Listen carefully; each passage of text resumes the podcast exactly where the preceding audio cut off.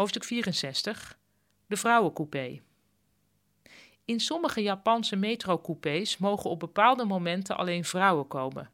Die momenten worden tot op de minuut gedefinieerd en er wordt ook gehoor aangegeven. Deze scheiding der seksen vindt plaats in de spits, wanneer de metro's zo vol zijn dat je tegen elkaar aangedrukt staat. Veel Japanse vrouwen hebben de ervaring dat ze in drukke metro's in hun billen geknepen worden.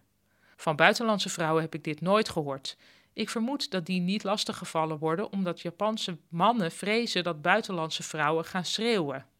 En even terzijde, ik weet eigenlijk niet hoe dit nu in het coronatijdperk is. Of überhaupt die metro's nog zo vol zitten dat je tegen elkaar aan staat. Ik denk van niet. En nog een andere terzijde. Sommige hotels hebben verdiepingen die alleen voor vrouwen bedoeld zijn. Die zijn al helemaal roze ingericht.